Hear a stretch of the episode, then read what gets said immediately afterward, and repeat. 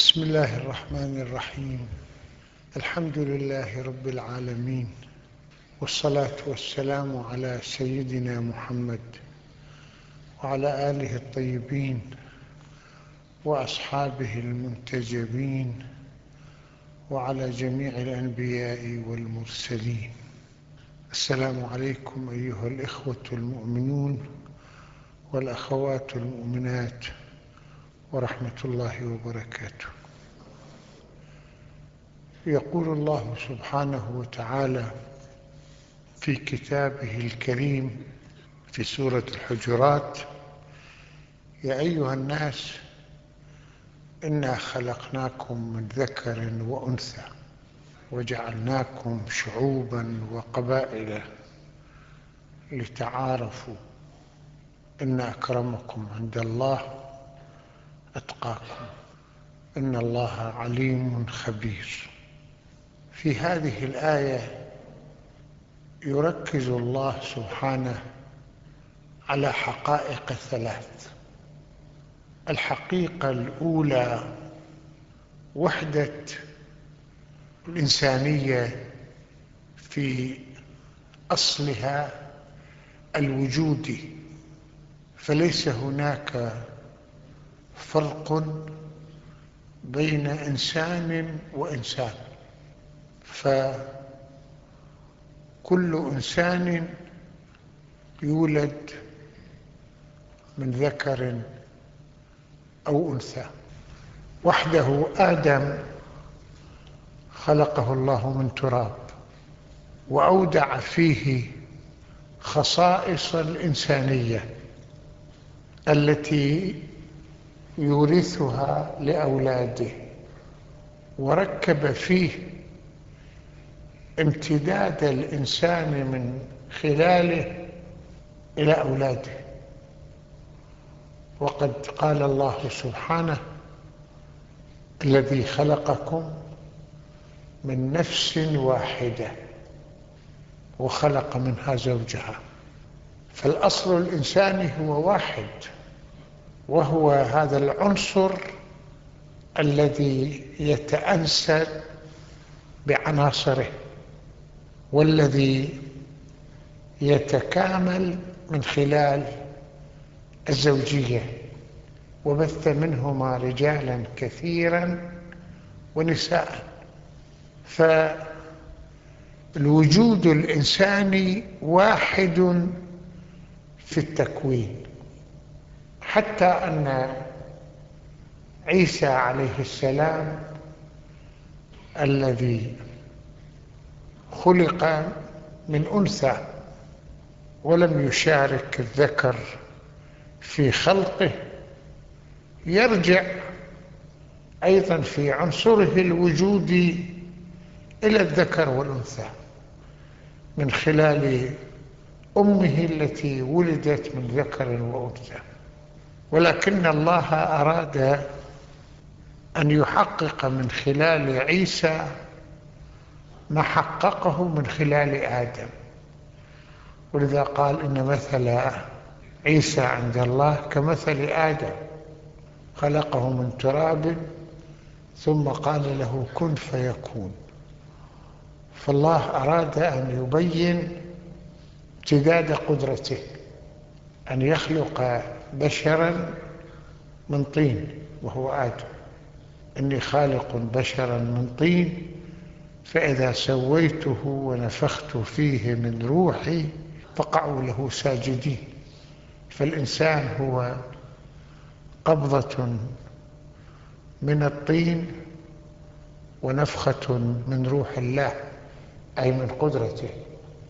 حتى أن بعض المحللين يقولون أن كل إنسان في الكون تماما كمثل آدم ولكن بشكل غير مباشر لأن الإنسان يولد من خلال نطفة والنطفة تحصل من خلال الغذاء والغذاء ينتهي في تسلسله الوجودي إلى التراب لأنه تغذى لحم اللحم من حيوان الحيوان ينطلق أيضا من خلال ما يأكل من الخضروات الخضروات ترجع آخر الأمر للتراب في الموضوع هذا.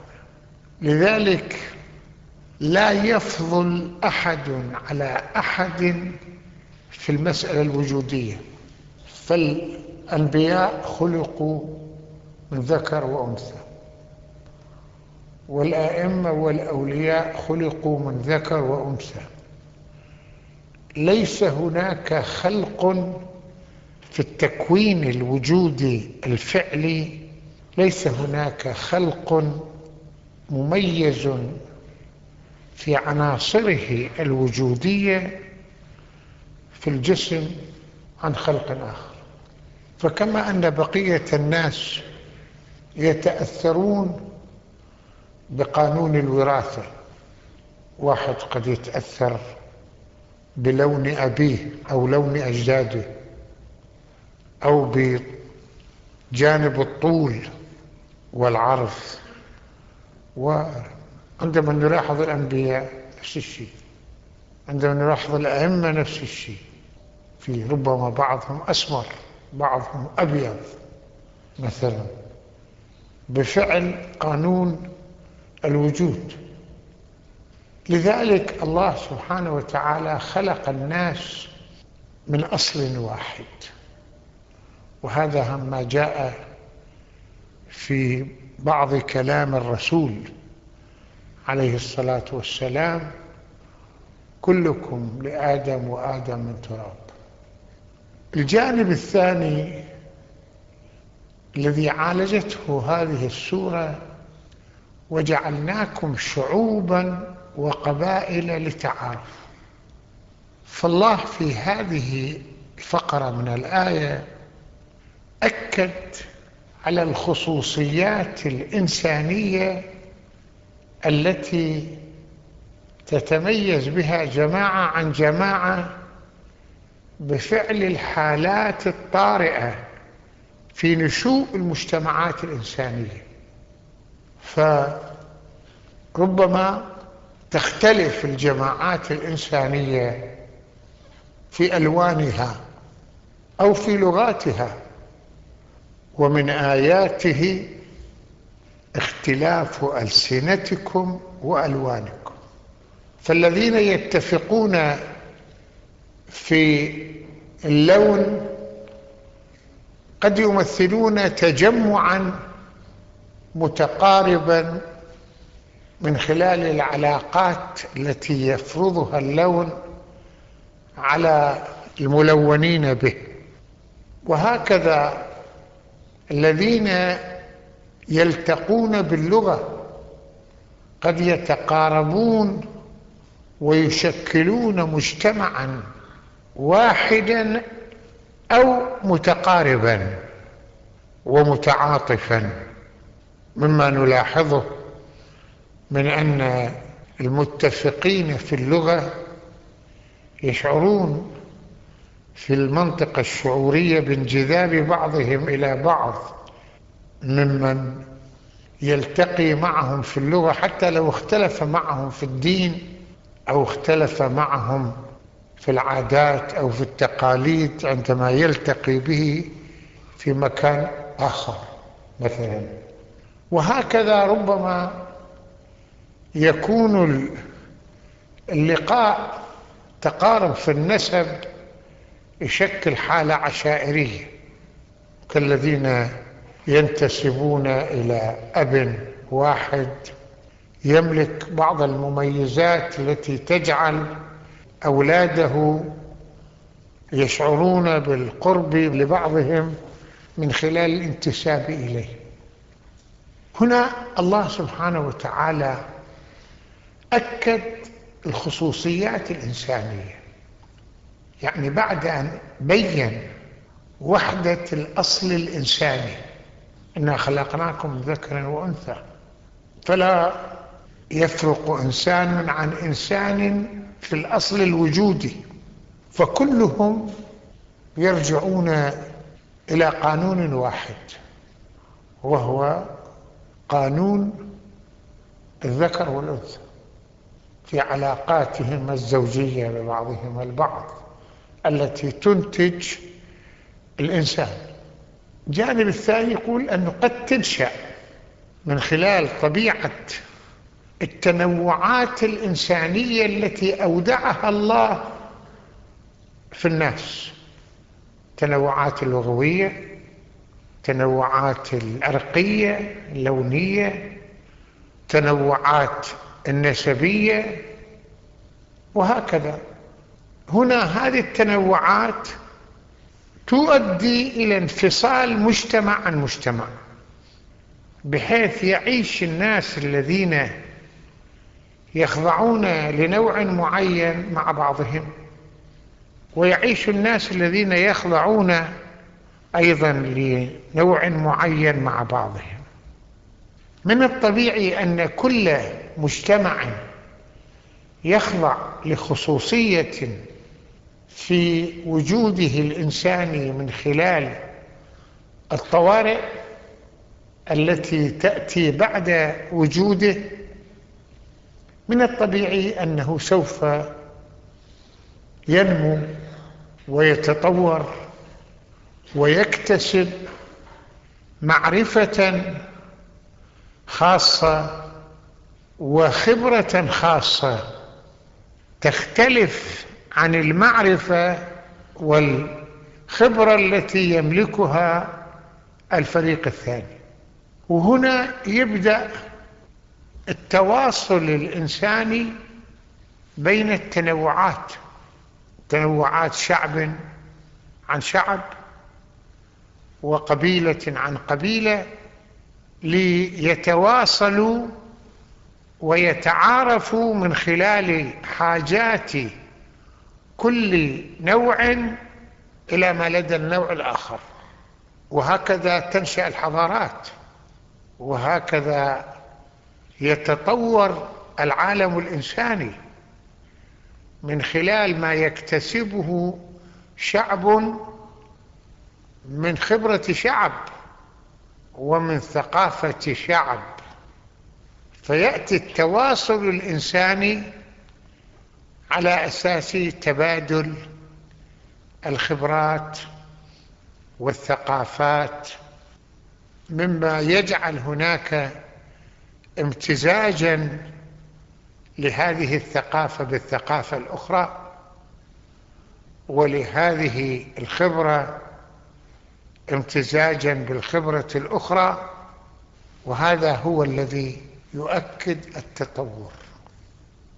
وجعلناكم شعوبا وقبائل لتعارفوا من أجل أن يحصل التعارف فيما بينكم الذي يؤدي إلى التواصل الإنساني وبالتالي إلى التوحد الإنساني أو التقارب الإنساني أو التفاهم الإنساني للثقافة والخبرة.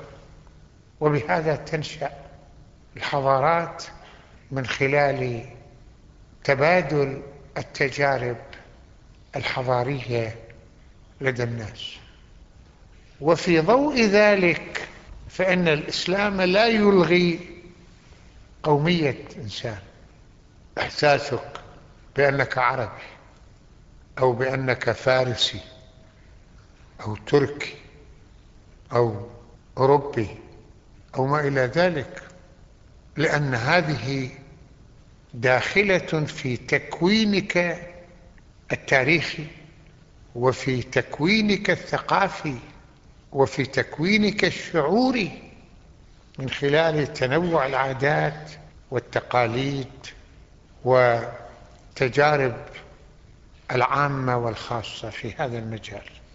فالإسلام لا يلغي إحساس الإنسان بالقومية ولكنه يرفض أن تتحول القومية إلى عصبية يعني يريد الإسلام أن لا يضع حواجز بين الناس لا يضع حواجز نفسية بين قبيلة وقبيلة لا يضع حواجز نفسية بين شعب وشعب.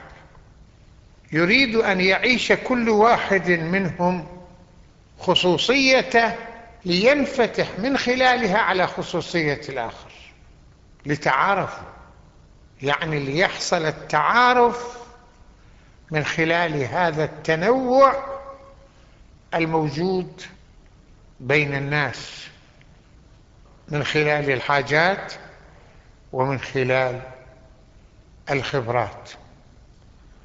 ولذلك فإن الفكرة التي كان يحملها الكثيرون من الإسلاميين في إلغاء إحساس القومي أو إلغاء القومية كحالة إنسانية كان خاطئا لأنهم يقصدون العصبية يعني أن تتعصب لقوميتك بالطريقة التي تفصلك عن القومية الأخرى أو لتشعر بأن قوميتك أعلى من القوميات الأخرى كما كان يقال أن العنصر الآري في ألمانيا أنه فوق العناصر الأخرى الإنسانية أو في الأربعينات كان بداية القومية العربية كانوا يقولون العرب فوق الجميع. ليست المسألة كذلك. للعرب قوميتهم وخصائصهم وللفرس قوميتهم وخصائصهم. والخصائص الثقافية والخصائص الأخرى هي التي تميز قومية عن قومية في الجانب الثقافي أو في الجانب العملي في هذا المجال. ولعل أفضل نص إسلامي في مسألة القومية التي تتحول إلى عصبية. في مقابل الإحساس القومي الذي يبتعد عن العصبية. ما رواه أحد أصحاب الإمام علي بن الحسين عليه السلام قال إن العصبية التي يأثم عليها صاحبها هاي التي ورد عن النبي صلى الله عليه وآله العصبية في النار. من تعصب أو تعصب له فقد خلع ربقة الإيمان من عنقه قيد الإيمان من عنقه. إن العصبية التي يأثم عليها صاحبها أن يرى الرجل شرار قومه خيرا من خيار قوم آخرين. مثل ما بيقولوا بعض الناس بالطريقة الشعبية أنه الشرير فينا أحسن من الخير فيه. نتيجة تعصبه لانتماء هذا الشخص إلى العشيرة أو إلى القومية. يعني يصير التعصب للشخص لا للقيمة الثقافية والأخلاقية. إن العصبية التي يأثم عليها صاحبها أن يرى الرجل شرار قومه خيرا من خيار قوم آخرين. وليس من العصبية أن يحب الرجل قومه. هاي فطرة الإنسان. يحب أباه وأمه وإخوانه وعشيرته. هذا شيء فطري. أن الإنسان ينجذب إلى الشخص الذي يلتقي به ويقرب إليه في أكثر من عنصر من عناصر الوجود. وليس من العصبية أن يحب الرجل قومه ولكن أن يعين قومه على الظلم. أنك إذا رأيت أحد من عشيرتك أو من طائفتك أو من شعبك يصطدم مع شخص آخر. فإذا كنت متعصبا فإنك تندفع في المعركة لتكون إلى جانب الشخص الذي ينتمي إلى ما تنتمي إليه. من دون أن تعرف من الظالم والمظلوم. أو حتى لو عرفت أن صاحبك ظالم وأن الآخر مظلوم. من العصبية أن يحب الرجل قومه ولكن أن يعين قومه على الظلم. لأنه يعني تبقى العصبية أو القومية تتحرك في حياتك ومشاعرك إلى أن تصطدم بالقيمة الأخلاقية أن تكون مع العدل ضد الظلم مهما كان العادل ومهما كان الظالم. هذه لعله أفضل نص إسلامي هو ما جاء عن لسان زين العابدين عليه السلام. وقد أكد الإمام زين العابدين سلام الله عليه هذا المعنى في دعائه في طلبه من الله أن يوفقه لأن يكون العادل في تعامله مع الآخرين. يقول اللهم وارزقني تحفظ من الخطايا والاحتراس من الزلل في حال الرضا والغضب حتى أكون بما يرد علي منهما من حال الرضا والغضب بمنزلة سواء عاملا بطاعتك. ظل على الخط. مؤثرا لرضاك على ما سواهما. في الأولياء والأعداء. حتى يأمن عدوي من ظلمي وجوري. يعني بحيث إذا عاش عدوي معي قل صحيح فيما بيننا عداوة لكن فلان مؤمن ما بيظلمني. وييأس وليي قريبي صديقي من ميلي وانحطاط هواي.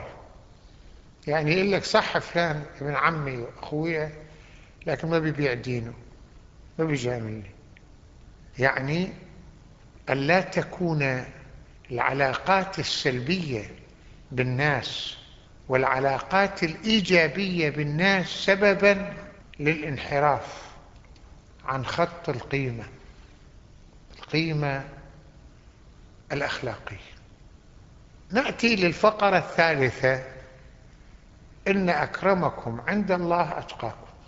يعني أنتم لا تقربون إلى الله ولا تتفاضلون عنده بوجودكم الإنساني لأن الله هو خلقكم جميعا.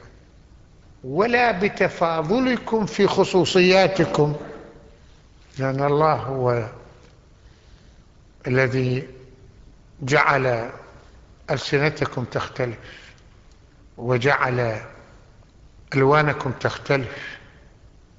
قد تتفاضلون فيما بينكم ببعض الخصائص التي يملكها هذا الفريق ولا يملكها الفريق الثاني. ولكن هذا لا علاقة له بعلاقتكم بالله. إن علاقتكم بالله تكبر وتصغر بمقدار التزامكم بالتقوى. والتقوى هي أن تلتزموا بأوامر الله ونواهيه أن لا يفقدك الله حيث أمرك ولا يجدك حيث نهاك. وهذا ما عبر عنه النبي صلى الله عليه وآله لا فضل لعربي على أعجمي ولا لأبيض على أسود إلا بالتقوى. لأن التقوى هي اللي تمثل علاقتك بالله. تقوى هي أن تعبد الله كما يحب أن يعبد وأن تطيع الله كما يحب أن يطاع. هاي اللي تجعل علاقتك بالله سبحانه وتعالى. وأما الخصائص الأخرى هذه علاقاتكم مع بعضكم بس مش علاقاتكم مع الله سبحانه وتعالى. وقد أكد القرآن الكريم على التقوى واعتبر أن الجنة أعدت للمتقين الذين أطاعوا الله كما يجب أن يطاع وعبد كما يجب أن يعبد. ولذلك تمثل هذه الآية الكريمة خطوط النظرة الإسلامية للإنسان في وحدته الإنسانية خلقناكم ذكر وأنثى وفي علاقات الإنسان بالإنسان الآخر في تنوعاته وجعلناكم شعوبا وقبائل تعارفوا ليكون هدف هذا التنوع الإنساني التعارف للتنافر. والشيء الثالث أن العلاقة بالله ترتكز على التقوى ولا ترتكز على شيء آخر. وهذه هي قيمة المنهج القرآني الذي يؤصل للإنسان نظرته إلى وجوده وإلى الإنسان الآخر وإلى علاقته بالله. والحمد لله رب العالمين.